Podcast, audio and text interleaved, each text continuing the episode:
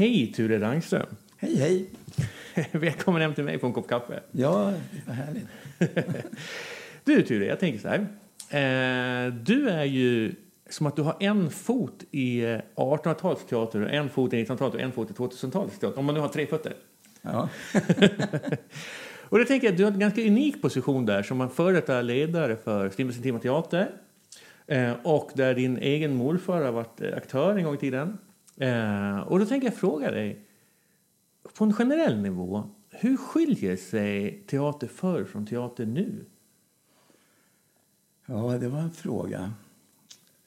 Eh, Jag är ju bara upp... Ja, ja, den, den gamla intima teatern, om man säger så, eller den gamla tiden det har jag ju läst mig till och upplevt Ja. genom eh, hörsägen. Och så här. Men sen den nya tiden har jag ju levt i, verkligen. Ja, men så är det Ja, verkligen. och praktiserat praktiskt i till exempel att bli teaterchef på Strindbergs Intima Teater. Det var ju en jättegrej på sätt och vis i och att man, det är så stora förväntningar där alla de här tiderna ska blandas Ja. via mig också lite grann. Är- Är den helt så som den var på 1800-talet? Eller har man gjort några ändringar? Ja, men den är helt ändrad. Den, Ja. Det är platsen som är någonting. Eh, och att Strindberg var där och att han ville vara första regissör. Och han, Mm. han ville vara med ungdomar. Allt det där som, är, som man tycker är så härligt och kul. Och så. Ja. Men eh, den, sen när den upphörde, teatern 1911 eller 1910 var det egentligen, så då, då rymdes den ut och den, den fortsatte ett tag som teater men den, den blev någonting annat. Den blev till slut en samlingslokal som heter Strindbergssalen. Vad vet man om hur man spelar teater på 1800-talet?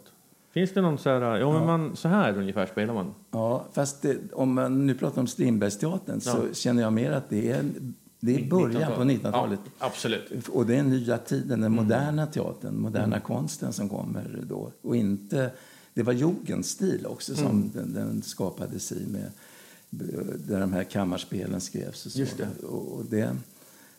Och det var verkligen en egen teaterstil som uppmärksammas. Och deras skådespelarstil var Ja, men hur var det? Berätta om Ja, det. de, de var rätt moderna. Alltså, Ja. Och inte de här stora gesterna och utspelen. Och, eh, och Cyrano de Bergerac och stora eh, svåra memoreringar och, traditioner man klev in i. Nej. Utan det här var nytt och Strindberg, det gillar ju Strindberg för, Mm. och därför han ville ha unga människor. Just det. Och skulle de vara några gamla med också i ensemblen, ansåg Strindberg, så att de gamla och de unga skulle mötas. Och, och det blev en skola. Ja. Och vilket var ju väldigt vackert tänkt. Och det där försökte jag leva upp till. Att vi hade just unga skådespelare och teaterfolk och några Ja. äldre. Och så här, så det. Men, men jag, jag, jag vill ändå knipa fast vid den där grejen Mm. att jag får för mig att teater, även på Strindbergs Intima Teater som var en modern teater, var helt annorlunda mot hur vi gör teater nu. Eller var det inte det? Har jag fel där? Nej, det finns ju dokument där man kan se lite. Ja. Det finns bland annat en film som är inspelad eh, i slutet 1911 var det väl. Mm. Då hade teatern precis stängt. Och då spelade man in Fadern som Mm. stumfilm. Och det var Anna Hoffman Uddgren var en kvinnlig regissör som också var komedian just Mm. från den gamla skolan. Men hon- hon och hennes make var oerhört eh, intresserade av film, Mm. det nya mediet. Och då hade Strindberg ett tillstånd att de skulle få göra film utav hans verk. Varsågod och kinematografera så mycket ni vill, hade Strindberg skrivit på en lapp. Jag tänker på dramatikerna idag, eller de upphovsmännen. Nej, det vill de inte. Nej. Men eh, det, det, gjorde, det var, och då kan man se när de spelar. Visst, den är spelat utomhus för att de måste få in dagsljuset och det är kallt och det ryker i munnarna på dem. Men det är modernt sätt att spela. Det, det är inte det där stora eh, händerna i luften och, och himla med ögonen, så, utan det, det är återhållsamt. Och sånt. Sen är det ganska smart, och i och med att det är stumfilm så har man satt in de skrivna replikerna väldigt kortfattat emellan. Då, så, att, så att vi som åskådare ska kunna hänga med. Hänga med bara. Ja, och så där. Men det, men, och det, det, de var kända för det, och speciellt de kvinnliga skådespelerskorna som var med, Manda Björling och ja, Anna Flygare som, eh, som var en, den, kanske mest, den främsta skådespelerskan. Mm. Hon spelade Eleonora i Påsk. Men att de, de psykologiserade, det var, det, det var, det var väldigt inlevt det de Ja. gjorde och inte traditionellt ja, stort klassiskt utspel och så. För det här stora klassiska utspelet, det spelar man väl ändå en bra bit in på 1900-talet? Ja, ja. Det gjorde man. Fredrik, Gösta Fredriksson, eh, Gustaf Fredriksson. fanns det med Anders de Waal och andra. De, de körde ju på. Men sen, sen kom det från Tyskland, Kammerspiel och allt ja, möjligt. Det påverkas ju väldigt av modern teater. Ha, hur, hur, eh, du är född på 40-talet? Ja, 44. Så är det inte så många av de här som du har... Är det några av de här du har träffat själv som barn? De, de gamla? Ja. ja. Ja, med tradition, det var en bra fråga. Eh, Ja, jag hade ju några med. Sven Lindberg var med, men han, inte, han var ju inte så vansinnigt gammal. Han, han var ju mer en filmisk tradition. Ja. Han var en bra filmskådespelare på 40-talet och, och, hade en bra replik. och så Men, men som de där riktigt gamla, det, det, borde jag tänka till. För det har, det har jag träffat också många. Ja. Eh, jag träffade din morfar som spelade. Ja, då. ja. Oh, ja. Vad berättade han från den tiden? Nej, men han, för första, ofta är det, de minns ju de gamla minnena och minnena med Strindberg framförallt. Ja. Det, det, det, och det skrev han ner också. Och, så, och hur Strindberg var som regissör. Och, mm. och de hade en väldigt... Men hur var han då? Ja, men han, var, han var väldigt blyg egentligen. Jaha.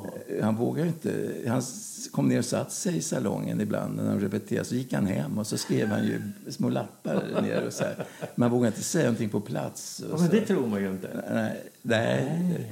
Och han kunde vara taskig ibland. riktigt. Och, och, det tror man ja, och, och upprikt också. Ja. Och sen så kom det ett brev till lite senare. De hade ju många postgångar på den tiden. Ja. Och då var det Strindberg, han ångrade sig. Så, då, så backade han. Så han gav alltid både ris och ros. Ja. Så säga, med där. Men han satt en stund i salongen och så skrev han små ja, lappar. Är det så han regisserade? Ja, så gjorde han. Det var ju väldigt speciellt. Ja, I bästa fall gjorde han så. I andra fall skickade han ner andra till teatern.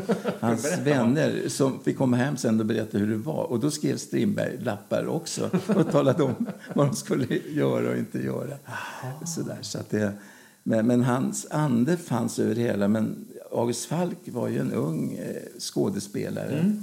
Och, August Falk som var första teaterchefen? Ja, ja mm. och han, han, kom från en teatertradition. Pappan hette också August Falk och mm. var, han var ekonomichef på Dramaten. Så, här, så att Eh, han, ja, han fick det här uppdraget. Och mm. Strindberg tyckte, han såg det magiska i att det var någon som hette August som han själv och att någon som hette Falk som Arvid Falk. Ja, ja, ja, ja, Det var ju mycket sådana där eh, makterna som spelade. Men, eh, men August Falk han var väldigt driftig. Han var mer mot filmen. Han, mm. han hade det som en slags förebild.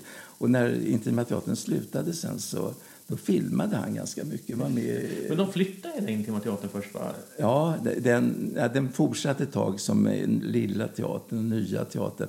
Och, och, sen så blev det massa annat. Jo, men de, ja. han tog han inte och kallade ett nytt ställe för, för Intima teatern som inte var där på några Ja, det var det. Och, och det, det, sen kom det ytterligare Intima teatern vid Odenplan. Ja, och, så det fanns massa små scener som... Det, det var ju ett vanligt namn på en teater. teater så här. Men, men eh, den originalet den gick i graven då. Mm. Med, men de träffades alla de här skådespelarna. Mm. Och första gången jag var på Intima teatern det var någon gång på 50-talet. Ja. Och då hade min morfar, han, han samlade de här skådespelarna kring sig. Och, och man skulle fira då att det var 20-årsjubileum sen de slutade. Ja. och då så skulle, det gick till så att man gick, var nere på teatern och i lokalerna som fanns då och tittade och tyckte åh vad synd att de har förstört. Och sen, så åkte man taxi ut till graven till Strindberg och sen så gick man hem till Källgren alltså, och där åts det tårta som det stod Intima teatern på. Som du fick vara med Ja, och jag var med och jag blåste trumpet med, så jag var med i Mälarhöjdens skolorkester. Så när det skulle hållas tal så skulle jag blåsa. Jag, jag var rätt dålig, kommer jag ihåg. Eh, och så. Men för dem var det jättestort. Ja. Och, och, pressen hängde på det där också, så det finns mycket bilder från när de, när de träffades. Och, och tårta. Och tårta och drack champagne. Och så. ja. Men där dök det upp då skådespelerskor. Fanny Falkner bland annat var med där. Som stod i ett hörn och såg dyster ut. Med en, och, och så där. Jag visste inte alls vilka de var. Och Amanda Björling var där. August Walker var nästan aldrig med. Mm. Och så där. Så, att det, men, så de, de visste att de var Strindberg-skådespelare. Mm. Och Och det var, det, I bemärkelsen att de hade mött Strindberg eller att de spelade hans pjäser. ja, och att de spelade med Strindberg-stil, tror jag. De tyckte själva att det var Ah. någonting som de hade fört med sig. Utifrån hans regi? Ja, alltså det trodde man, men det kan det ha varit. Det är svårt. Man, vill ju gärna, man snackar ju ibland om Holberg, att det finns en Holberg-tradition och att man spelar på något speciellt sätt med sina ja, stora författare. Och så här. Och, och Strindberg-stilen som fanns, den levde vidare i och med att många var lärare till kommande elever på, som sökte till elevskolan. På Dramaten? Ja, på Dramaten. Så Amanda Björling och läste med elever och flygare gjorde det också.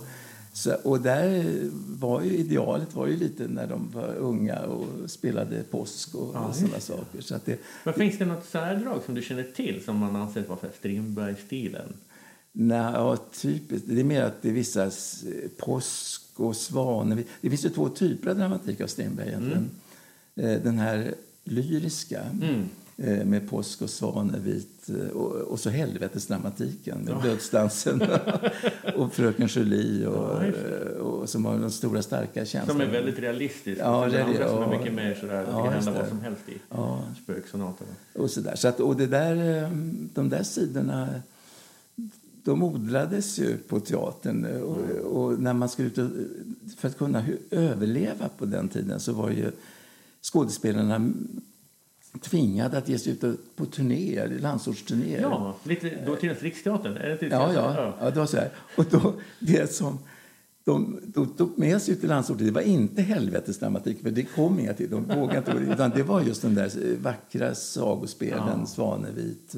Och då eh, stod det i tidningen om Strindbergs sista kärlek som var Fanny Falkner som kom nu ut och kom, man skulle titta på henne. Medan i Stockholm körde man helvetesdramatiken. Ja. För, för vi var så förhärdade där. Det så- var så härdade vi kunde se dödsdansen. Eh, Och så. Men, eh, men det där har vi inte jag känt när vi har kört med teatern. Nej. Där, det har varit en, en annan stil. Vi har ju öppnat upp den. Men det, Ja. men det är ju fan, enda anledningen till att det är en teater där är ju att Strindberg var där. Vad har du för personlig relation till Strindberg? Ja, Hur förhåller du dig till honom som person och som konstnär? ja, det, det är en, en nyfikenhet fortfarande som aldrig blir släckt. Som du har? Ja, som, menar att ja, har? som jag har. Och att jag har glädjen på något sätt att få nalkas Strindberg i så många aspekter. Min farfar som var tonsättaren, Mm. Ture Langsam, han var ju också, satt ju bredvid Strindberg på pianopallen och, och, och spelade och berättade att han skulle göra opera av Så Kronbruden. både din farfar och din morfar Ja. är så direkt kopplade till Ja, Strindberg? och de var bästa vänner. Va? Det är ju helt ja, de blev bästa vänner det är också. ju helt ja. otroligt. Ja, det är roligt faktiskt.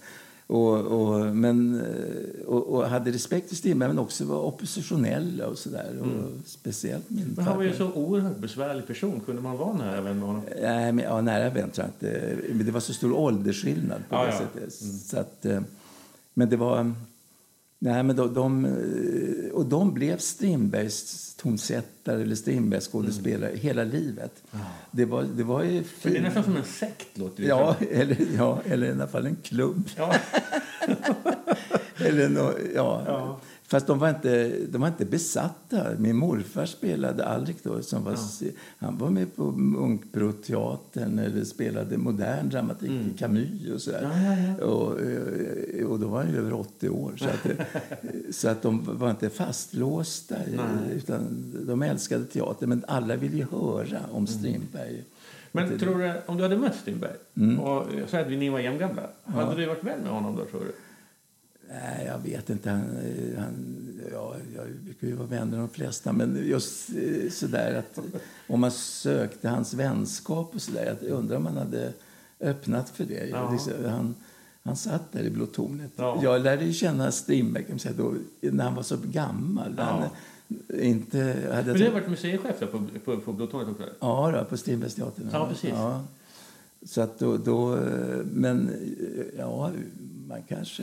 Men inte så att man suttit bredvid Strindberg och diskuterat konst. Nej. Det tror jag inte, men jag ser mig själv mycket yngre. Va? Det, Ja, ja, ja, det är det, det är det, det, är det. Men för jag tänker att han, eh, som, åtminstone som jag får för mig, att han var en ganska läskig person. Eh, att man kanske inte, att man kanske mer kan beundra hans konst än han som person. Men jag vet inte, jag känner ju inte Nej. Du kan ju så enormt mycket mer, tänker jag. Ja, men, nej, men jag har sett alla de här sidorna som man har läst eller hört talas om. Mm. Det är så förtjusande älskvärdhet och kärlek både till sina barn och till Mm. sina kvinnor och allt möjligt. Men också att han kan vara fasansvärt elak. Genom att han, Bevisligen. Ja. och speciellt när han satte igång att skriva. Liksom. Just det. Då kom det ut. Ja. Och med Falk som han då beundrade, den unge Falk, den, som startade hans teater. Och så här, det var, det det var verkligen...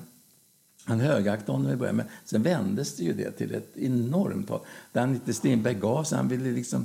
Han gick ut i pressen. Han skulle eh, mosa Strindberg. Eller mosa eh, Falk. ja. Och Falk har ju ingenting att sätta emot. Nej. Han kunde inte skriva Falk. Nej. Så, att, så hans inlägg blev ju sådär torftiga. Så här, Vad var han arg då? Hur han drev teatern? Ja, det handlar om pengar mycket. Och det handlar om löften som han tyckte att Falk hade gett. Att de skulle spela det och det och det som Falk insåg det kommer inte komma någon publik. och sådär. Men jag tänker så här, du har ju åkt till Strindbergssällskapet också.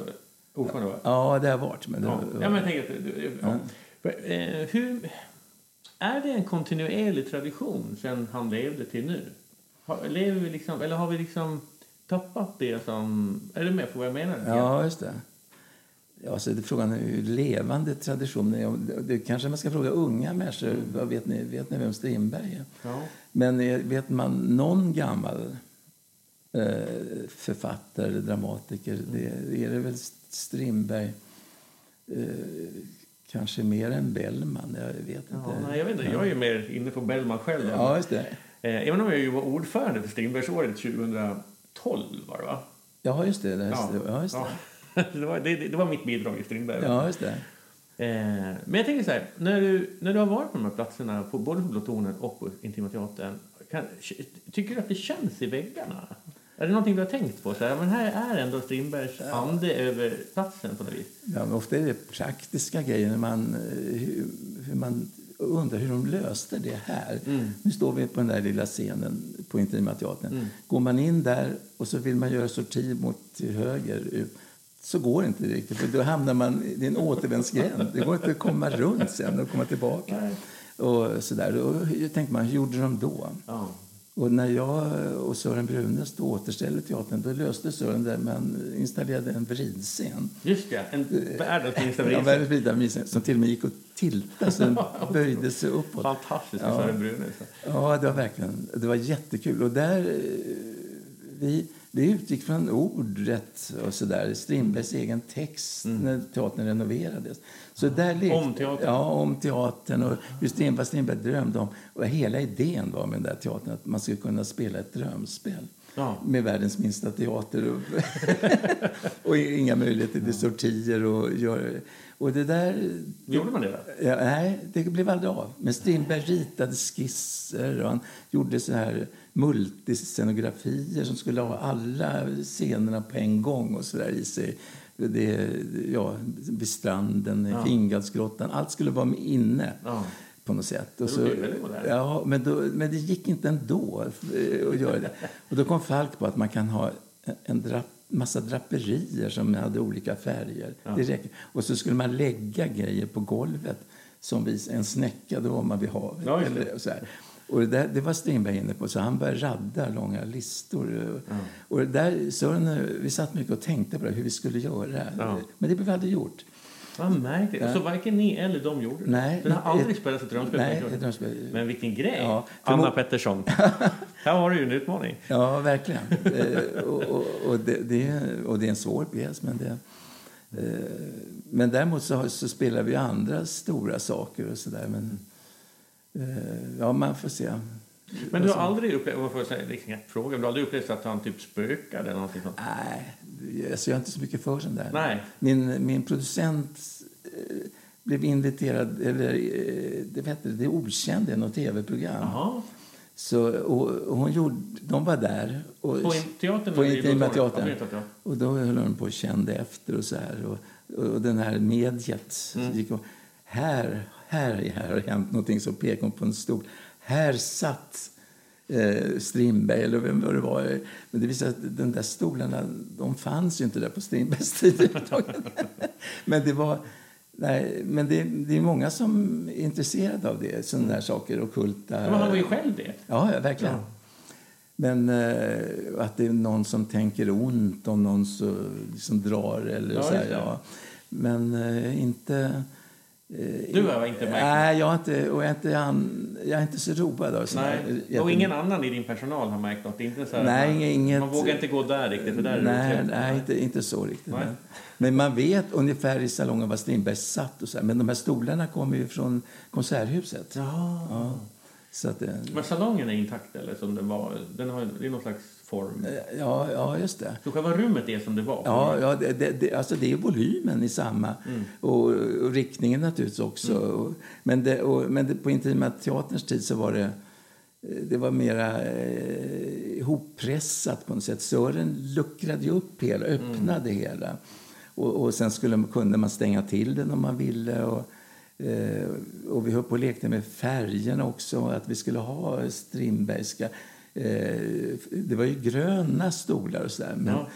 Och vi tittade, men vi hittade, då fick vi de här stolarna gratis, men de är ju röda. Men det är ingen som vet någonting om det. Så att, nej, ingen. Nej, nu tror jag Anna har bytt stolar, för de var så väldigt skrangliga. Ja. men det, det, nej, och resten i övrigt, liksom det, där det fanns, alla skådespelare hade varsin loge. Mm. Det var 20 små loger, små boxar nästan, mm. där skådespelarna... Ah. Och då Strindberg, han insåg, för då blir inget skådespelarbråk om var och en går in till sig och så läser på läxan i sina manus. Och så. Ja. Och så kom det brev då från Strindberg. Då sattes eh, Fanny Falkner som fick bära ner de där breven satte dem på spegeln. Där Strindberg antingen var glad eller sur. Så, men det, var, det är mera hela grejen med den teatern. Att, eh, mm. det, och att den finns där. Mm. Jag tänker, eh, hur... Han, du säger att han regisserade föreställningarna. Hur mycket kan du... Jag är lite dåligt insatt i det här, men visst är det så att regikonsten som sådan är egentligen inte särskilt gammal? Nej, det var, det, det var ju då det började hända grejer ja. kring sekelskiftet. Ja, så han var en av de första pionjärregissörerna då? Ja, fast han var ju inte aktiv på scengolvet, alltså, riktigt, utan han, han, var, han var litterär mm. regissör. Som en det, dramaturg nästan? Ja, det kan, ja, verkligen. Och dramaturg till sina egna pjäser också. Mm. Så att... Um, Eh, så att han var inte... Eh, men han hade synpunkter på alla, alla genrer som finns inom en teaterskapande mm. med, med scenografi och med kostym. Men hade man separata kostymörer, scenografer och ja. ljussättare? Och det fanns det, teamet fanns liksom? Ja, fast ljuset, det, det jobbar man ju mycket med där. För, för att man hade ju elektriskt ljus. Mm. Men det var ju ändå ganska primitivt. Det fanns ju inte riktigt... Det fanns strålkastare. De hade köpt in två strålkastare som de lyste mot den här eh, mm. draperierna och så. Men, men det var inget så här riktigt avancerat eh, ljus. Eh, så det nämns sällan i recensioner. Mm. Men eh, man försökte skapa, det är ofta Strindberg har angett, Strindbergs scenanvisningar är ju rätt roliga att läsa. Ja, så att det, ja men de som mm. står i manuset, i manus, men inte som regiscenanvisningar? Nej. Nej. Strindbergs roll som regissör, det var det med tal taltekniken. Ah, okay. Det är där han snackar mycket om. Alltså, mm. Att det ska låta naturligt? Ja, att man ska prata tydligt. Det heter teatern. Man ska höra r där. Så man säger inte bara teatern. Teatern? det, det heter svårt. Men det är en förhöjning att prata så där, Dramaten-pratet, ja. teatern. Ja, det, det. det, är ingen som gör det i vardagstal. Nej, nej. Det ska vara svårt. Det ska jag höra. Men eh, de fick, hade flyt. Det finns ju inspelat också med skådespelarna när de pratar mm. Eh, från 30-talet. Och det, det låter rätt modernt och sådär. Ja. Så. Men alltså jag, jag, tänker, när jag sen har på med ja. teater så jag känner mig väldigt fri från Strindberg. Just det. Ja, men det är en rätt intressant fråga. Ja, det gör du. Du känner inte låt? Ja, inte, inte minsta Nej. på det sättet. Och speciellt jag, ibland tycker jag det är kul att utmana Strindberg. Ja. När vi gjort det. Vi spelade väldigt mycket kvinnlig dramatik ja. på teatern de år jag var verksam. Mm. Och även eh, kontroversiella pjäser med eh, ja, vi gjorde Kung Kristina. Eh, det var den sista föreställningen. Mm. Hundra uppsättningar gjorde vi under de här åren. Wow. Och, Vad häftigt. ja, det är rätt häftigt. Och det både på massa språk också. Så, där, så, att det, så att den var öppen. Mm. Och, och så. Och när, Stri- men jag kunde ju alltid... Folk kunde inte säga emot mig, för jag sa att det med Strindberg tycktes. och, så, och då, han gjorde ju en lång lista. Det här ska vi spela. Och, då skrev han upp sina egna pjäser först, men sen var det andra pjäser, skandinaviska. Ja, det var redan Ja. det då. Men inte Eh, Ibsen. Nej, men han ville göra Wagner bland annat som, som talpjäs. Alltså eh, och Isolde. Tristan och Isolde, Ja, och, och andra ringen-grejer också. Och han ville jobba med musik som skulle vara med. De hade en, ett piano där bland annat Stenhammar satt och lirade. Mm. Jaha, men- ja, och min farfar var ju där också Ja, och kikade. Så att, eh, och, men annars var teatern en... Och det var sånt som jag tyckte var jättekul. Och sen också att den var en teater som hade med, med konst att göra, moderna konsten. Och det, Strindberg ordnade utställningar. Sant. Eh, August Falk gjorde det. Ja. Och de umgicks med konstnärer eh, s- som eh, kom med idéer och sådär vad man skulle göra. Så att det, de var moderna på det sättet. Vad häftigt. Ja, och, och, Men det har ju, och så har ju du då tagit över, eller nu är det ju Anna Pettersson, Ja. men att du ändå be- bejakade den traditionen att man, det ska vara en samtids, det ska inte vara ett historiskt verk. Nej, nej, nej. Inte, inte rekonstruktioner eller museiteater. Det är jättesvårt att ge sig kast på och det, det är inte så roligt alltid.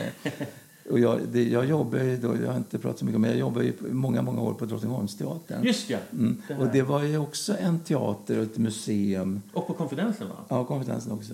Men, men började, började ju på, på, på Drottningholmsteatern. Eh, och, och där var det också man skulle levandegöra föreställningar med 1700-talet.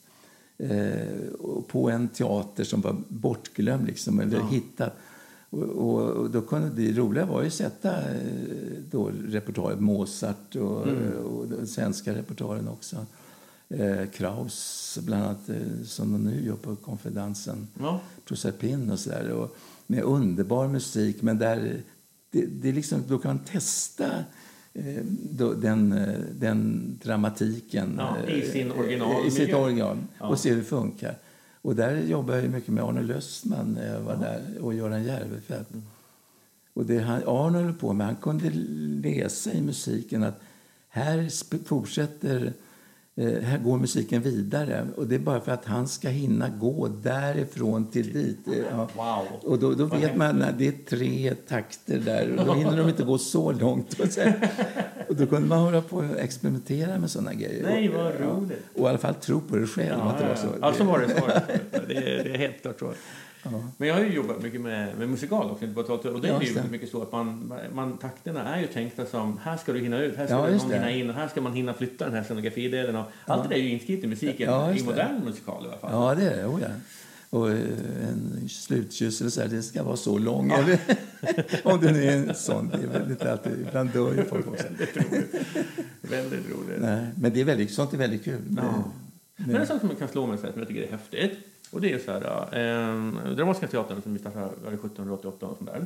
Ja, Eh, och innan det så fanns det ju teater i Stockholm ändå. Det fanns ju den där Björn eh, Trädgårdsteatern. Var ja just det. Så det har Ja, funnits teater i alla fall sedan 1600-talet i Sverige. ja, då, ja, ja, och det finns vid slottet, där fanns ju Lejonkulan. Ja, precis. och Bollhusteatern. Bollhusteatern, ja. jag. Ja, just det, Ja, just det, precis. ja. Eh, och att, i någon bemärkelse så är det ju en obruten tradition fram till nu, tills vi sitter Ja. här vid det här bordet. Ja. Eh, och jag tänker så här, hur mycket, hur, hur mycket har gått i arv och hur mycket har glömts? Och det är det, jag tycker det är så fascinerande såna saker. Jag, pratade med, jag jobbade med Björn Gustafsson. Eh, eh, han har ju också så här, träffat alla de här, liksom Lars Hansson, Ja, ja, och, stora, det. och liksom stått på scen med dem i några fall och sådär. Och jag tänker, ja då blir det ju en obruten tradition. Ja, det. det. är ändå så att man lär ut någonting. De unga skådespelarna träffar de gamla som träffar nästa generation som träffar nästa generation. Och Ja, på det. något sätt så finns det ju någonting kvar då från, från Gustav IIIs dagar liksom, i det vi nu gör. Fast Ja, inte ja, ja. Och jag tänkte, du som ändå har haft så nära kontakt med historien, så kan du säga att det är vissa saker som faktiskt är helt ärvda fast vi kanske inte tänker på det och vissa saker har vi faktiskt bara släppt? Ja, det. det är svårt att plocka ett exempel. Men, Ja. men jag känner som du, jag är väldigt upphetsad av den tanken. Ja. Att, att det är just till exempel på, på 1700-talsteatern Ja. och vad kan finnas kvar med och, och, och traditioner och hur publiken uppträder. Och allt ja, möjligt. Ja, det, och det där är väldigt... eh, Det är det som vi också att skådespelare, vi älskar ju varandra på något sätt. Eller alla, de gamla Ja. och så här. Ja, man är ju så fascinerad Ja. på när man får träffa, har chansen att få träffa någon som är lite äldre. Liksom. Jag var på en lunch, eh, höst, höstsol där som eh, Ja. Teaterförbundet har en. Eh, fast de hade det, där är sålt numera. Det, men där bjöd då Teaterförbundet eh, sina gamla medlemmar. Och jag var, första gången jag var med där. Och det var massa gamla skådisar. Och aldrig har det väl varit så trevligt och glatt. Och alla kände igen varandra och gjorde reverenser. Och, och vad gör du nu? Och så. Och jag tyckte det var väldigt, väldigt kul. Och, och man älskar sina gamla, eh, gamla skådespelare som man har sett. Och man blir glad när de lever och ledsen när de inte lever. Och så där. Ja, så det, det så. och, och de representerar ju så mycket. Och så där. Det, så det, finns, det är en klockarkärlek som finns Ja. på sätt och vis. Eller som jag tycker på sätt när jag jobbar med, och sen, jag jobbar med många, för, när jag var på Stadsteatern, Benny Fredriksson var ju så förälskad i de här. Ja, ja. Han hade ju ett helt garde med äldre Ja, skådespelare. ja, ja, just det. Eh, Men en gång sa Björn Kjell någonting stil med att eh, Hugo, när du gör så där, det påminner mig om när Olof Molander... Ja, just det. Då blir jag så här... men det, jag vet inte, jag får gåshud över hela kroppen. Det är helt fantastiskt. Ja, att, och att han kan vara en sån lek. Ja, men du kanske är en typisk Olof Molander. Han gjorde stora saker. Ja, men- jag, tycker det, jag, vet inte, för mig är det Och eftersom jag också har sånt, eh, jag har ju liksom, hela mitt liv, inte hela mitt liv, men hela mitt vuxna liv så har jag varit otroligt fascinerad av 1700-talet och framförallt komiker Bellman. Ja, just Och det. då blir det också så spännande. Vad är, Det är ju på ett sätt ett helt annat land och på ett sätt är det ju precis samma. Ja, just det. Jo, det är det. Och just med Bellman som är... Det är dramatik, nästan Det är det varje epistel. Ja, ja. Oh, och ja. hur det målas upp och repliker hit och dit och tid. Och det är så tydliga scener liksom. Ja, just det. Och den här med oväder också. Så, för det är ju det på Drottningholm gjorde man ju man stängde in naturen på teatern. och hade så där plåtar ja, Oscar och, och musiken lirade och så här. Och man ville ja, ha, mysa och rysa och så här. Som du, man går på bio. Ja, och det är samma sak. Dolby surround. Ja, så där, så att. Men det är kul när man får vara med och leka på de där grejerna. Och det gör man ju med viss vördnad i alla fall. Att det, man är så glad att de finns kvar, teaterna, att man får spela på dem Ja, det är så fortfarande. Så att Vad tänker du är teaterns kärna? Vad är det som är grejen med teater som inte är någonting som inte något annat konstuttryck gör? ja, ja, det, ofta är det väl att det fördjupar någonting i några känslor. Det kan åskådliggöras. Och, svåra, svåra saker, sorg och död och, och göra det sublimt, alltså verkligen, och, så att man orkar med på något sätt. Och eh, man får väl ställföreträdare som träder in på en scen och Mm.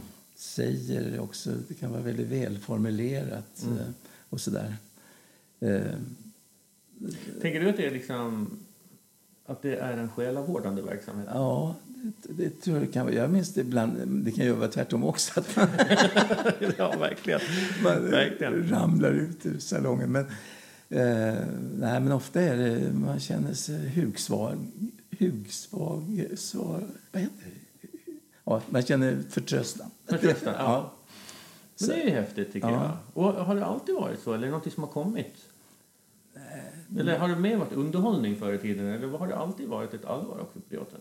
Ja, det har nog funnits även... För, för då ingick det med i ritualer. Så om man går tillbaka till de gamla grekerna var det Mm, säkert. ja, verkligen. Ja, så att det var en del av... tragedierna, Ja, liksom. ja, det. Men ehm, jag tänkte, finns ju, du intervjuade min kusin Caroline Ja. Och hon, hon, där är hon såg väl liknelser i det med att Mm. man predikar och eh, Ja. hennes roll att göra det. Att det det finns något med teater i det här, Mm. även fast det, det är ja, upplevt och eh, tydligt och sånt. Men eh, det är mycket som är teater. Och det är inte teaterspel säger man som om det var något falskt, men det jag tror att det kan vara tvärtom. Att det är något, Ja, det där tycker jag är rätt Ja. intressant. För det där med vad är naturalistiskt och vad är eh, sant? Ja, just det. Och det där är inte nödvändigtvis samma sak. Nej. Att man kan spela naturalistiskt och man upplever det jättefalskt och så kan man spela väldigt förhöjt men som man upplever väldigt sant. Ja, just det. Det där kan jag tycka är fascinerande. Ja, det är det. Ja, nej, men det... Det, nej, men det, det, det, ändå är det underhållningen det blir ändå eh, till vissa delar. Ja, och man blir överrumplad. Och en Ja. välskriven pjäs, det, det är väldigt kul när man har Ja. ser något sånt som... Fanta- och det är ju den svåra, jag kan uppleva så här utifrån, nu har jag inte jobbat lika länge som du har gjort, men att den allra svåraste delen med teater är just att skriva ett bra manus. Mm. Allt annat är lättare. Ja, just det. Ja. Men, men, eh, men också samarbete med en regissör eller med en dramaturg och regissör. Därför blir det ofta att eh, ja, regissörer vill ha sina dramaturger för man trivs i något sammanhang. Det är en trygghetsgrej. Så ju. Ja. Ju verkligen. Och, och alla kan inte läsa heller. Ibland är folk som man ger ett manus där, Ja. så hör man dem det här, de förstår inte, jag har inte skrivit det här tillräckligt bra. Det går inte hem. Men det där har jag tänkt på mycket Mm. eh, som regissör och som, som ju har jobbat mycket med. eh, Att väldigt många av oss som jobbar med teater kan inte läsa eh, förrän vi får det på golvet. Ja, Då förstår vi vad det står i texten. Men innan det så är det som, att, det är som ett filter där vi inte har tillgång fullt till texten förrän vi får det i våra kroppar. Ja, och in via örat eller via Ja, rörelser. via eller, eller ja, i situation. Ja, situation. Ja, det är så här den här texten det. betyder. Det är, det är varje repetition är det så. Ja, man inte har förstått texten förrän man har repat fem Nej. veckor. Det är därför är det så kul när det är en bra regissör som löser upp en grej. Och kan vi inte prova det här? Och så gör man någonting tvärtom. Mm. Ja. Och då märker man plötsligt att det finns en avsikt till slut. Så, så, så blir det precis som du vill. Och. Eller att de ändå testar det. Ja, ja, För- visst. för det alltså man ändå ja. testar med det Ja. man har haft. Ja, det är sant. Men du har skrivit en del dramatik också, va? Ja, det har jag gjort. Men jag, jag, jag, jag kallar mig för dramatiker ibland, men jag är mer jag översätter ju musikaler, ja. operor och, och sådana saker. Men jag, jag har skrivit en del pjäser också. Så att jag, Men hur, hur, hur, eh, hur, känner du inför det? Så att säga, i förhållande till teater? Att skriva? För då sitter man ju själv och så, sen ska det vara en massa människor som... ja. Men jag ägnar, alltså jag är ju inte någon Lars Norén verkligen utan jag, jag, jag ägnar just i musikdramatik. Jag har skrivit eh, och jag, jag är bra på att översätta tycker jag själv. Jag, så här, Les Misérables översatte jag som nu har gått sju, åtta uppsättningar och så, här, så ännu mer tror jag. Oj, vad häftigt. Ja, och aux Folles, alla de där stora musikalerna. Och framförallt Les Misérables, för det bygger på Victor Hugos mm. mästerverk. Så att det, och där minns jag att det var, det var så kul, jag satte mig in i det där hela den där tiden. och så. Men du kan franska också? Eller? Ja, då, fast inte eh, speciellt. Jag har, jag har en fransk familj, Ja. eh, två barn som är frans, Som bor i franska. Frankrike? Det sa du ju. Ja, har just det. från Paris. Och så här.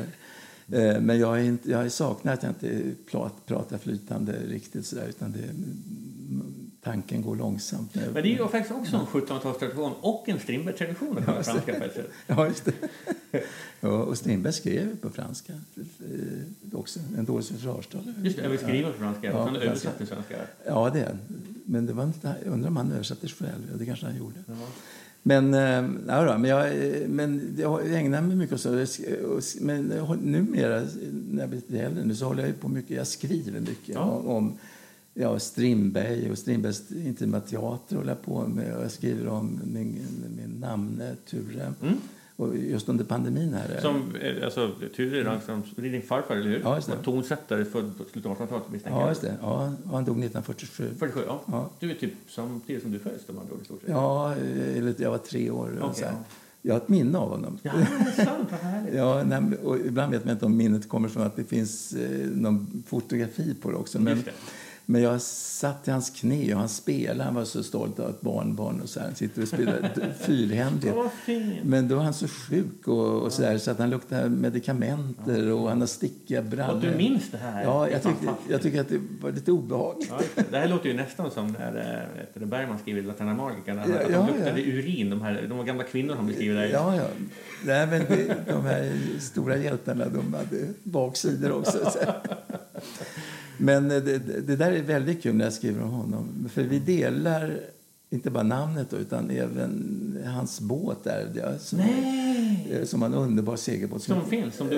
Ja, nu finns det en kopia av båten för att den, den vart ju över, över 100 år. Den sjönk, Ja, den gissnades. Ja. eh, Så vi lät bygga en kopia på 50-talet Nej, redan. häftigt. Och Kronbruden heter den. Mm. En riktigt fin segelbåt som, som jag använder. Och sen så, men nu har, hela hans liv är väldigt intressant. Och så här. Han, han var verkligen en Strindbergs kompositör men som också ägnade sig mycket åt att skriva romanser, så här, sånger med tonsättningar. De bästa eh, poeterna, Bo Mm. Bergman och Hjalmar Gullberg och, och allihopa, även Mm. de kvinnliga eller poeterna. Och det där är strålande vacker musik. Som, Jag vet inte om jag har lyssnat på så mycket det. Du börja. ja, du har nog hört om du hör Pan spelas, eller, Kung Eriks visor. Det, det är Rangström. Men tiden för Rangström det har gått ifrån honom. Så här. Han var jättestor Ja. ett tag. Men sen, numera så är det inte så många som vet. Jag Jag ska lyssna nu. Jag, Ja, ska, jag ska verkligen göra det efter vårt samtal. Förr sa de till mig ibland, är det till att vara släkt med den store? Sa de, när de hörde vad jag hette. och, eller att Ture Rangström är känd för alla sina romanser. Och så här. Men eh, har du känt att du har levt i skuggan av dina, Nej, inte ett dugg. dina släktingar? Så att säga? Nej. Du har ju fler såna släktingar. Du är, Ja, ja, eh, ledamot i akademin också som du är släkt med. Och- Ja, det är Lars Gyllensten. Ja, precis. det. Nej, men jag känner inte sådär. Du har, har ingen känt Nej, här inte- prestationsångest? Eller Nej, nej. nej. jag i allt det här? Liksom. Nej, inte alls. Utan, jag tycker det är rätt bra. Ibland de kommer ihåg mitt namn. Så här, och Det är så- praktiskt. Ja, nej, men, och jag har ju aldrig tonsatt en ton. Nej, men spelar du instrument då? Ja, allt möjligt. Okej. Men, men jag håller inte på... Men inte, är det av respekt för... eh, Nej, det tror jag inte. Utan det är att jag tycker jag var bättre på att skriva Ja. texter och såna grejer. Men nej, det, jag tycker det är rätt kul. Och, eh, att han, jag försöker lyfta honom lite grann nu, för det är, väldigt, det är en hel del unga människor som, som nalkas hans eh, Ah, tonsättningar och sådär. Och just sånger, för att han är, han är avancerad. Va? Det är svårt och det är mycket känslor i det där. Nej, vad häftigt. Ja, som allt på 1800-talet står det. Allt ska vara så. Ja. ja. Men jag tänkte på en helt annan fråga, Ture. Mm. Eh, du har ju... eh, du är väl typ pensionär, skulle jag misstänka? Ja, då. Ja. Ja. Så man har ändå haft ett helt liv i konstens tjänst på ett sätt. Eller i alla fall med museer, konst och Ja, hela ja, det här. ja. Eh, Det är ju ett ganska... Jag vet av egen erfarenhet, det är ett ganska tufft liv. Det är inte alltid man vet om man har lön nästa månad och det är inte alltid man eh, får ihop det. Det är liksom långa kvällar och är, man ska jobba sju dagar i veckan många gånger och man ska, så ska man ha familj och barn och så ska man... Har det, har, det- har det varit värt det? Ja, Förstår du vad jag menar? Ja, jag förstår. Nej, för, för jag såg till exempel min pappa, Mm. eh, som, han blev civilingenjör. Och det blev han på uppmaning av sin pappa att han skulle satsa på jobb. eh, ja, akademisk karriär. Ett riktigt jobb med månadslön. Och så här. Eh, För, för att man tror att man, min farfar gick ju, hade det väldigt jobbigt ibland. Och, och, och, och det fanns inte så Mm. Ja, som mycket alla frilansare. Ja, ja, det är ju så det är. Och även min morfar. Då, han, bägge två fick ju anställning på Operan tillsammans. Ja, nej, ja, min farfar då som presskommissarie och min morfar som någon faktotum på kansliet där. Vad är faktorer? Ja, som gör allt. Okej, okej. Ja. Och han, de hade jättekul. och, sådär. Men, och hatade John Forssell då, som var teaters, operachef. och sådär. Men, eh, men det var hårt. Det var hårt va? Min morfar blev enkeman med tre små döttrar så, och, och bland annat min mamma. Då. Så att, eh, därför fanns det en förskräckelse inför framtiden. Man måste ha något riktigt att göra. Ja. Men jag kände alltså, min, min, jag, min farsa tyckte, blev glad jag gick på reallinjen i Kungsholms gymnasium. Men där skulle jag inte ha gått, jag passade inte riktigt Nej. det. Utan jag sökte till Dramatisk elevskola vet jag, men, eh, och fick Thomas Bolme att läsa mot mig. Nej, är det sant? Ja. Han har jag med. Ja, just det. Nej, men, sen, men jag är ingen skådis heller, så att jag, det passar nog bättre att jag eh, hittar den här möjligheten. Men jag har en akademisk bakgrund, att, Ja. och att jag har varit museiman och så, allt sånt där. Så, så, och det tycker, jag, det tycker jag är jättekul att ha. Jag är jätteintresserad av...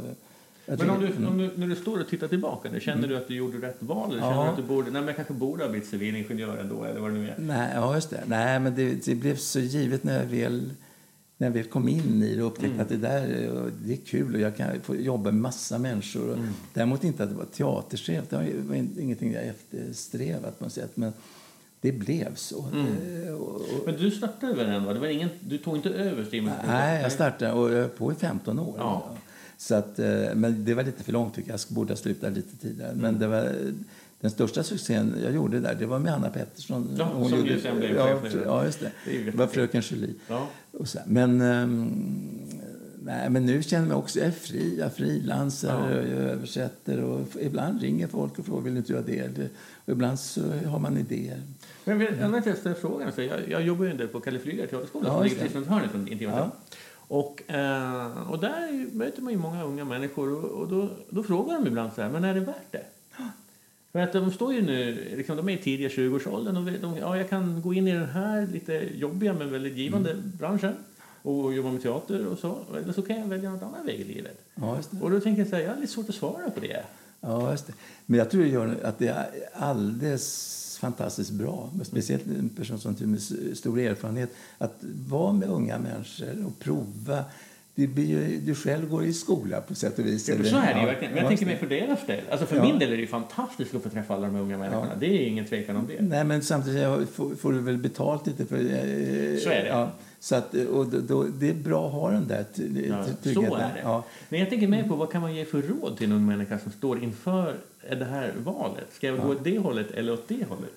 Ja, det är svårt alltså. Det är, det är jättesvårt att ge sådana råd. Men man kan ju prata utifrån sin egen erfarenhet. Ja, just det. Men ibland ser man väl, du som träffar en massa skådisar, att det, det där är en jättebegåvad person. Alltså, ja. Du borde fortsätta eller, eller bilda ett gäng mm. tillsammans med några andra och mm. kom igen. Det så mm. sa jag på Strindbergsteatern ibland. Ja. Bli ett litet gäng och kom hit så kan vi söka pengar gemensamt. Ja. Så jag har en teater, ni får spela där. Det är fantastiskt. Ja, sånt är kul alltså. Ja. Och härligt. Men ehm, men som frilansare, det är som alla, det är väldigt osäkert och det behövs mm. lite, eller lite en pandemi för så brakar mm. allt sönder och samman. För, därför har jag ibland sökt också, när jag blev teaterchef, jag tyckte det var rätt skönt, och, då hade jag en lön ändå som ja. betalades ett tag. Och så, så att, och, och, så. Men, det, men då hade jag ju också familj i Frankrike. Och, ja. Och så hemma i Stockholm hade jag också eh, barn. Och så. Det är lite komplicerat. Ja, det är lite komplicerat. Ja, ja. Men jag har en dotter som jobbar, Tuva-Lisa. Ja, som jag har mött vid ett tillfälle. Ja. Det var när jag sökte Dramatiska institutet. Jaha. Då, var, då fick jag regissera henne som en del av mitt prov. Ja, vad kul. Ja, men sen har jag inte träffat henne sen efter det. men jag träffade henne den gången. Ja, just det. Nej, hon har gått lite i mina fotspår. Hon, hon blev dramaturg på Drottningholmsteatern. Mm. Har varit det, och nu är hon på Folkoperan. Ja, ja, ja. Men hon ägnar sig mycket åt att skriva barnböcker och mm. sånt också. Och ibland läsa för Radioteatern. Men hon frilansar verkligen. Mm. Det är det, man måste visa sin öppenhet. Att man är med och egentligen vill jag göra vad som helst ja, för att klara den här vardagen. Nej, men så är det verkligen. Ja, det. Ehm, ja, men jag tänker ändå att det har ett pris. Men att jag, min, min personliga erfarenhet är att jag kan inte komma på någonting annat jag hellre skulle ha gjort. Nej. Men det är kul, jag följer dig eh, på, på, ibland på Facebook och, ja. ser, och, och folk vet Hugo, kom, vi, vi måste göra grejer. jag tycker det är så kul när det blir, för man skapar en relation ja. hela tiden med grupper och, ja, och man vill fortsätta. Ja. Och, och sen kommer en pandemi så blir det bara ett helvete. Alla ska sitta. Nej, det var fruktansvärt med pandemin, måste jag säga. Det var ett riktigt stålbad. Alltså. Det, det, och det tror jag många kände. Att det var så här, jaha, men nu vet jag inte riktigt hur jag ska klara det här. Men nu känner jag som text, jag känner, det bara väller ut plötsligt och, ja. och, och, nu är det nästan för mycket. Och, och alltså folk som gör grejer och har man idéer så kanske ska vänta ett tag och, slänga fram dem på en gång. Ja. Utan, låta, få bränna av de där sakerna som har stått, stått och jäst. Ja, så är Ja. Men, men äh, är det en... Eh, det, teater är ett gift. ja, men det är det faktiskt. Och en, och en, en, det är både någonting som är väldigt jobbigt men också extremt belönande. Ja, just det. För sina värsta stunder så är det ju jättehemskt att jobba med teater. Alltså ja. Det kan vara så, så mycket bråk kan det vara, och det kan vara så mycket ångest och det kan vara så mycket hinder. Ja, det finns, ja, men du kan inte få den där grejen för att nu har den gått sönder eller vad det nu är. Liksom. Ja, just det. Men så kan, det finns också de här dagarna som man bara tänker att man är den lyckligaste personen på jorden. Ja, jo, det är det. Man går hem och ja, bara är lycklig. Så det är kul också, som du, du är inne på, det här med att, att man bär med sig så mycket som, där, som är ja. från det andra. Jag tänkte på en grej, du såg, jag, jag kollade på, på din Facebook-sida, vilken du hade intervjuat ja, tidigare. Ja. Men då så såg jag en bild på en gammal klocka du hade lagt ut. En familj, ett ur en sån här, som, du, som du har tagit en bild på. Ja, ja, ja, som var din pappas pappas 150 eh, år gammal. Ja, precis. Ja, men det stämmer. Ja. Och så, det är precis det där har hänt mig också. Ja. Jag ärvde en sån där klocka ja. som gamla tonsättare Ture hade fått ja. från sin pappa. Som hade gett den till min farsa. Och så gav den till mig då när jag tog studenten. Och, och den, man tittar på den, den, min gick inte och den, den var stannad på 10 över 10. Jag undrar, undrar varför den stannade då. Jag kommer att tänka på, är det Nalle Puh som ska ha någonting att äta klockan 10 över 10? Men då, då, då, den där klockan tänkte jag, vad ska jag göra åt den? Jag ger den till min grabb Tim. Men han var inte så intresserad. Han frågade hur mycket är den värd? Frågade. Nej, nej, nej, nej, du får inte säga det. Nej, För tyckte han ville hellre ha en sån där klocka som man kan ha i rymden eller, Ja, eller, ja, eller på, eh, nere under vattnet. Men, eh, så att jag har den än så länge. Ja, men det, jag har många sådana där föremål. Den är lite rolig också. För den, det finns en sån humor på baksidan. För att det är tre bröder. Eh, Det är min farfars far och hans tre Okej. bröder. Två bröder. Och de har gett den till varandra, uppenbarligen som en skämt. För Ja, först okej. står det att det är till en, och så står det nu har jag gett den till den, men nu har jag gett den till den. Ja, ja, och den sista, den yngsta bröden, det var min farfars far, så han fick behålla den. Ja, vad kul. Ja. Men det, var, det är en fin grej på något sätt. Ja. Och en klocka är så symboliskt Ja, det är det med tiden som går och tiden Ja, som och den har stannar. inga visare längre. Den, Nej, men nej. den har, det är urverket och inspektionerna i Ja, just det. Ja, nej, den är jättehärlig. Nej, min har också nej, men det är från eh, dag till, eh, och så där, till tur. Men, Ja. det, så man kan ju aldrig göra sig av med den heller. Faktum är att jag har en klocka till som jag, som jag kan använda som ett armbandsurs. Men det har bara varit farfars och pappas och min. Ja, just det. Så att, eh, ja, nej, det är något speciellt med det där med vad som går i arv. Men Jag tänker så här. Utifrån eh, all dramatik man möter. För det som jag upplever som är styrkan med teatern det är ju att man får... Men det är ett sätt att beskriva att vara människa utan att behöva säga det i ord. Mm. Man kan visa det. Mm. Man kan, eh, och man kan visa på, så- som du var inne på, så otroligt komplexa skeenden som är otroligt svåra att skriva ner eller på något annat sätt egentligen beskriva. Det är väl egentligen bara musiken som kan jämföra kan sig ja, i komplexiteten. Så Ja. att säga. Och, och då måste man ändå vara lite insatt i musiken för att förstå den på något vis. Då. Men teatern är väl direkt så. Och att, att få chansen att jobba med litteratur ända sedan gamla grekerna, eh, mer eller mindre till nu då. Det har varit ett stort hopp där man inte spelar så mycket dramatik i och för sig. Men, men från Shakespeare framåt då, så är det ju ändå kontinuerligt Ja, just det. man lär sig rätt mycket om det här med att vara människa tycker jag. Mm, det gör man. Det är, det är en bra skola, eller det är en bra um, ja, lev, levnadsregler på sätt och vis. Som, Ja. För att det är lustfyllt också på något sätt. Man vet att det finns någon belöning i det också. Att det kan, också att det kan vara jävligt svårt alltså, ibland. Och en process med en pjäs man sätter upp. Det är inte bara det är stor, stor lycka, för det händer ibland. Det det, Ja. men, men det kan också vara väldigt komplicerat och med saker som Ja, man undrar hur ska det här gå. Man, just att man ska hela tiden också gå till en premiär. Att det, det ska släppas in en publik. Ja, det är ju också en lärdom då, att det är som stålbad nästan varje gång man känner hur ska Ja. det här gå? Och så tappar man självförtroendet eh, två veckor innan ungefär och så- brukar det väckas upp igen då. Men, Ja. men finns det några grundläggande saker som du tycker så här, men det här, det här har jag ändå det här tycker jag det återkommer så pass mycket att det här är ändå någonting som jag tycker att dramatiken och teatern ändå har lärt mig. Har du något sånt här som du brukar tänka på? Nej, men det är väl också att eh, det är, en, kanske, det, är en, det är så väldigt härliga människor som jobbar med, Ja. med teater. Och det blir en sammanhållning. Och det, ofta det, jag tycker det finns en stor glädje i det här med mötena som finns Ja, hela det är tiden. sant. Ja. Och, som man kan längta till. och så där. Och Det är det enda jag längtar nu när jag lämnat Intima teatern. Att då sitter man på sin kammare och skriver. Ja. Så, och, och jag är inte där. Jag hör inte alla saker som kan hända och omöjliga saker som Nej. händer på en teater. men, eh, men bara för att ha varit med om det här. Och, Därför är också det med alla de här släktingarna man släpar med sig och håller på. Ja. Eh, det, för mig är det mer ett, det är ett nöje, men det är inget sånt som präglar mig så att jag blir förlamad. Att jag, eh, utan det, jag, lever, jag har ju unga barn, eller unga, nu är jag 20 år, Timothy och så Hur, hur, hur intresse har de av den här teaterhistorien? Och... Ja, ja, lagom. Mm. Men Tuva-Lisa har ju hängett sig åt det. Och, men min stora do, eh, mellandotter, där, Marianne, hon ska bli fysioterapeut. Det är verkligen Ja. fysiskt teatern är ju rätt fysiskt. Ja, det också. Ja, verkligen. Det är det. Men, men hon, de kommer ju med annan kultur då från Frankrike och så där, så att jag, så jag ska åka dit nu om ett Mm. par veckor. Har du själv stått på scen? Ja, ja det har jag gjort. Och, eh, jag har spelat med i film och sånt. Det är lite, Jaha. I början när jag tänkte att jag skulle bli skådis. Mm. Mm. Det var Peter Watkins som var en sån här regissör och samhällsdebattör. Han drog med mig en film som heter Gladiatorerna där jag spelar en ung polis som heter Svensson som blir skjuten.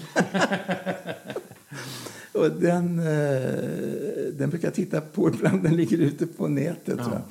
Men, eh, och så höll jag på med annat. Jag spelat med Elisabeth Söderström på Barbican Center. Nej, och sant? Ja, men då var det Drottningholms Ja. ja. sådana saker. Annars är det mer att jag står på scen och snackar. Så, men jag är ingen skådis. Nej, nej, nej. det- Nej, vilka ögonblick eh, upplever du som mest meningsfulla? Du menar i största allmänhet? Eller? Ja, i samband med teatern, men också i största... Jag tänker att det hänger ihop på något vis, eh, hur livet är. Men Ja, nej, men genom att eh, jag har då... eh, Nej, men det är med att jag får träffa mina barn och eh, Ja. sådana saker. Va, som är, Men om man tar konstnärligt med ja, konstnär, Nej, men det... Nej, men det är lyckan. Alltså, om man har skrivit texter och ska prova det och man hör att det här funkar bra. Det blir ett, en kollationering där det, som kan vara sån här levande kollationering. Man märker att skådespelarna suttit och tittat på sångtexten inte fattat ett dugg hur det där ska sjungas men, och kommer med egna idéer. Och det där brukar jag inte göra. Det finns sådana som dödar det direkt. Det, det, det ska inte ni tänka på. Utan det, men jag brukar kolla så hör man någon som kanske har svårt att säga S eller sådär. Man behöver inte plåga dem med att låta hela sången bara S hela tiden. Nej. Så, man kan ju lätta på trycket.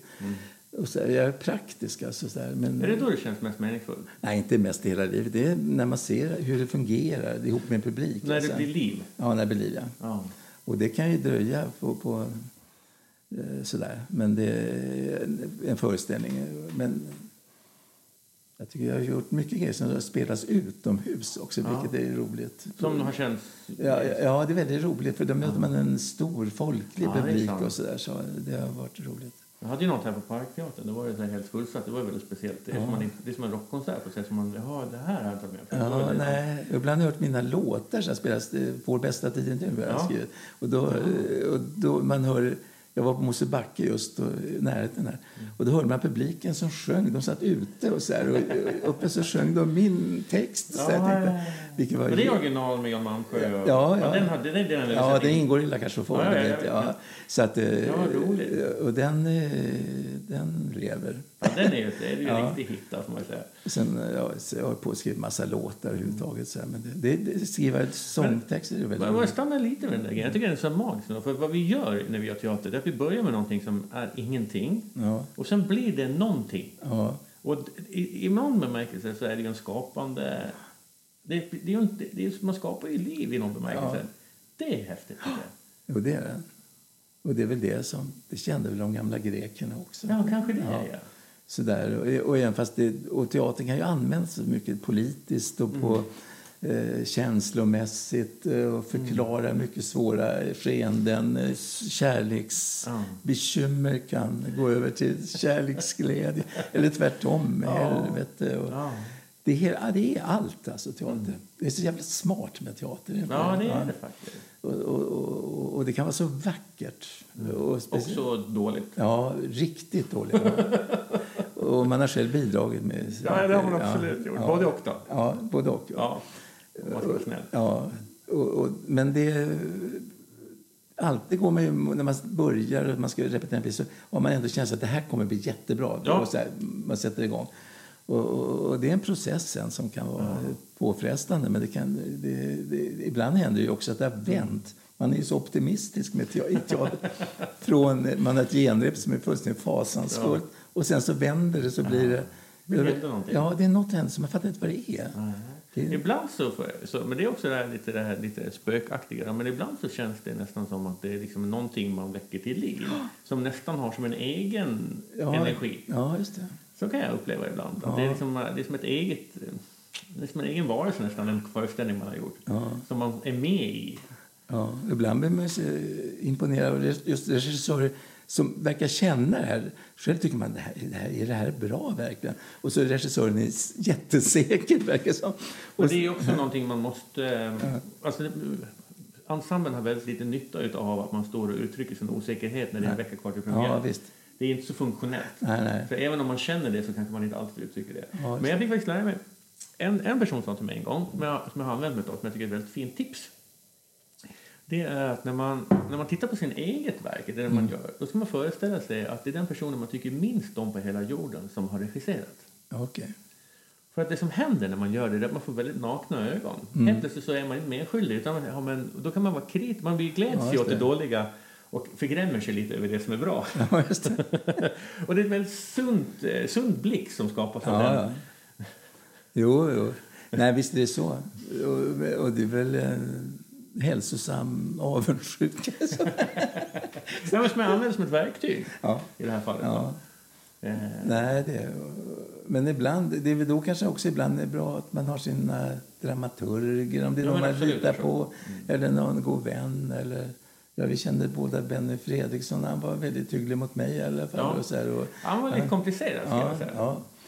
Men han hjälpte mig på Intima Teatern Ja. och, och kom med ja, ja, föreställningar och idéer. Ja. Och, så, och det, där, eh, ja, det var en stor glädje också som man tänker på sen. Mm. Han var jättekomplicerad. Ja. Ja, men det vill jag ändå säga. Då. Ja. Ganska objektivt sant att han Ja, men, men han hade sina fina sidor, det jag verkligen säga. Ja. Teater kan ju vara en plats där folk bråkar mycket också. Mm. Har du varit med mycket om det i din Eh, ja, direkta slagsmål liksom, och, eh, skrik och förstörande av eh, dekor och här saker? inte så mycket. Nu har inte jag varit nere på alla. Som teaterchef så har man så mycket annat att göra. Jo. Så att man skapar ett gäng och, och så där och, och sen så alla är proffsiga. Så händer något speciellt sånt där som så, så brukar det lösa sig. Att man får hjälpa till. Men på, på Falk och de hade ju på sin tid jobb när de spelade Dödsdansen. Eh, och de kastar eh, fotogenlyktan efter varandra. Och, och när Falk och Amanda Björn skulle skiljas då använde de sig av replikerna till, till, till eh, ja, spöks... Eller, ja, dödsdansen. Så här, så att det, men, och I privatlivet. Så här, men det... Ja, jag, jag vet inte riktigt. det. Finns det nedskrivet om att det var mycket bråk och sånt förr i tiden, eller var det inte det? När man, att det var Intimteatern eller kanske gamla Dramatiska teatern eller liksom... Ja, nej, och det finns du vet, avundsjuka. Och på, till exempel på, man ser på kritiker på den tiden. Inom musikvärlden var det ju ofta tonsättare som var både tonsättare och kritiker. Men så är det ju fortfarande. Ja. Och också framförallt inom författare. Det är många författare som också är Ja, just det. kritiker kritiker. Och ibland undrar man hur rågången är eller sådär. Och min farfar var ju också teater, eller musikkritiker. Mm. Och i luven på Pettersson Berger. och, som, och det var verkligen storsläggan som... Ja. Och det där gick inte att försonas med riktigt tror jag. Det, var nog svårt men... Ja. Men det, var, det är lustigt att läsa kanske för att det är så briljant formulerat Ja, från bägge håll. Och så här, så att det, men, eh, men det väcker ju ofta det kan hårda eller starka känslor. Men på, ofta på Intima Teatern var det kvinnorna som Manda Björling och Det var de stora ja, ja, det är de som höll i eh, Ja. kamratandan på något Jaha, sätt. ja. Ja. Och såg till att det där eh, inte gick överstyr. ja, gick överstyr. Nej.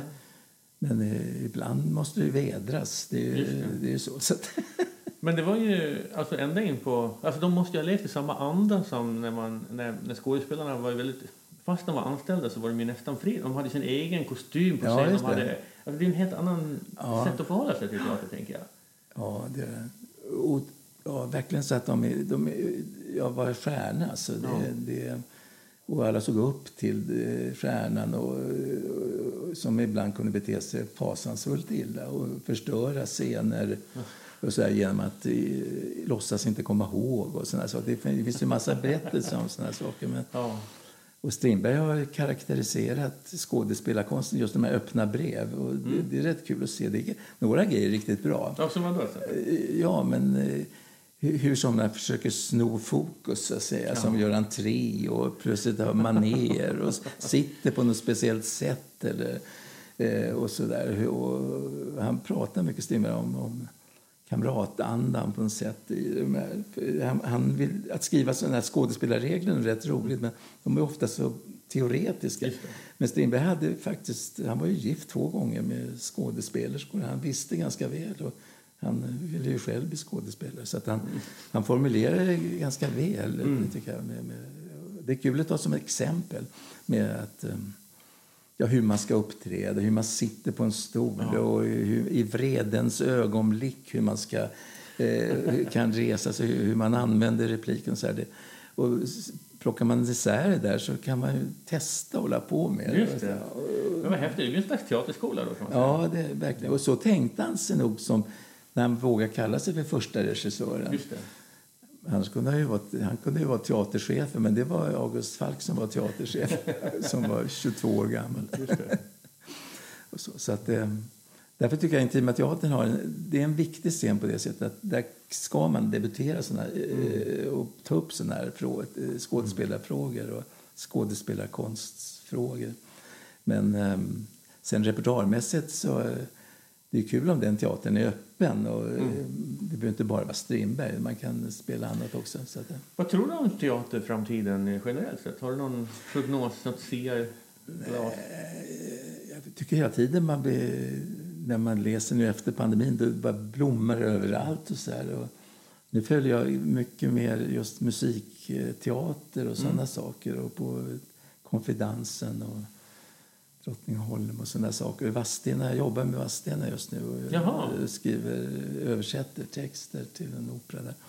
Men, och, och det är så kul, för unga människor de är så otroligt eh, begeistrade och energiska och sådär. Det tycker jag är, det, det är värt mycket också. Men, eh, men sen, jag skulle gärna skriva själv mera, sådär, hålla Ja. på. Och, och, eh, men tiden räcker inte riktigt till Nej. till allting.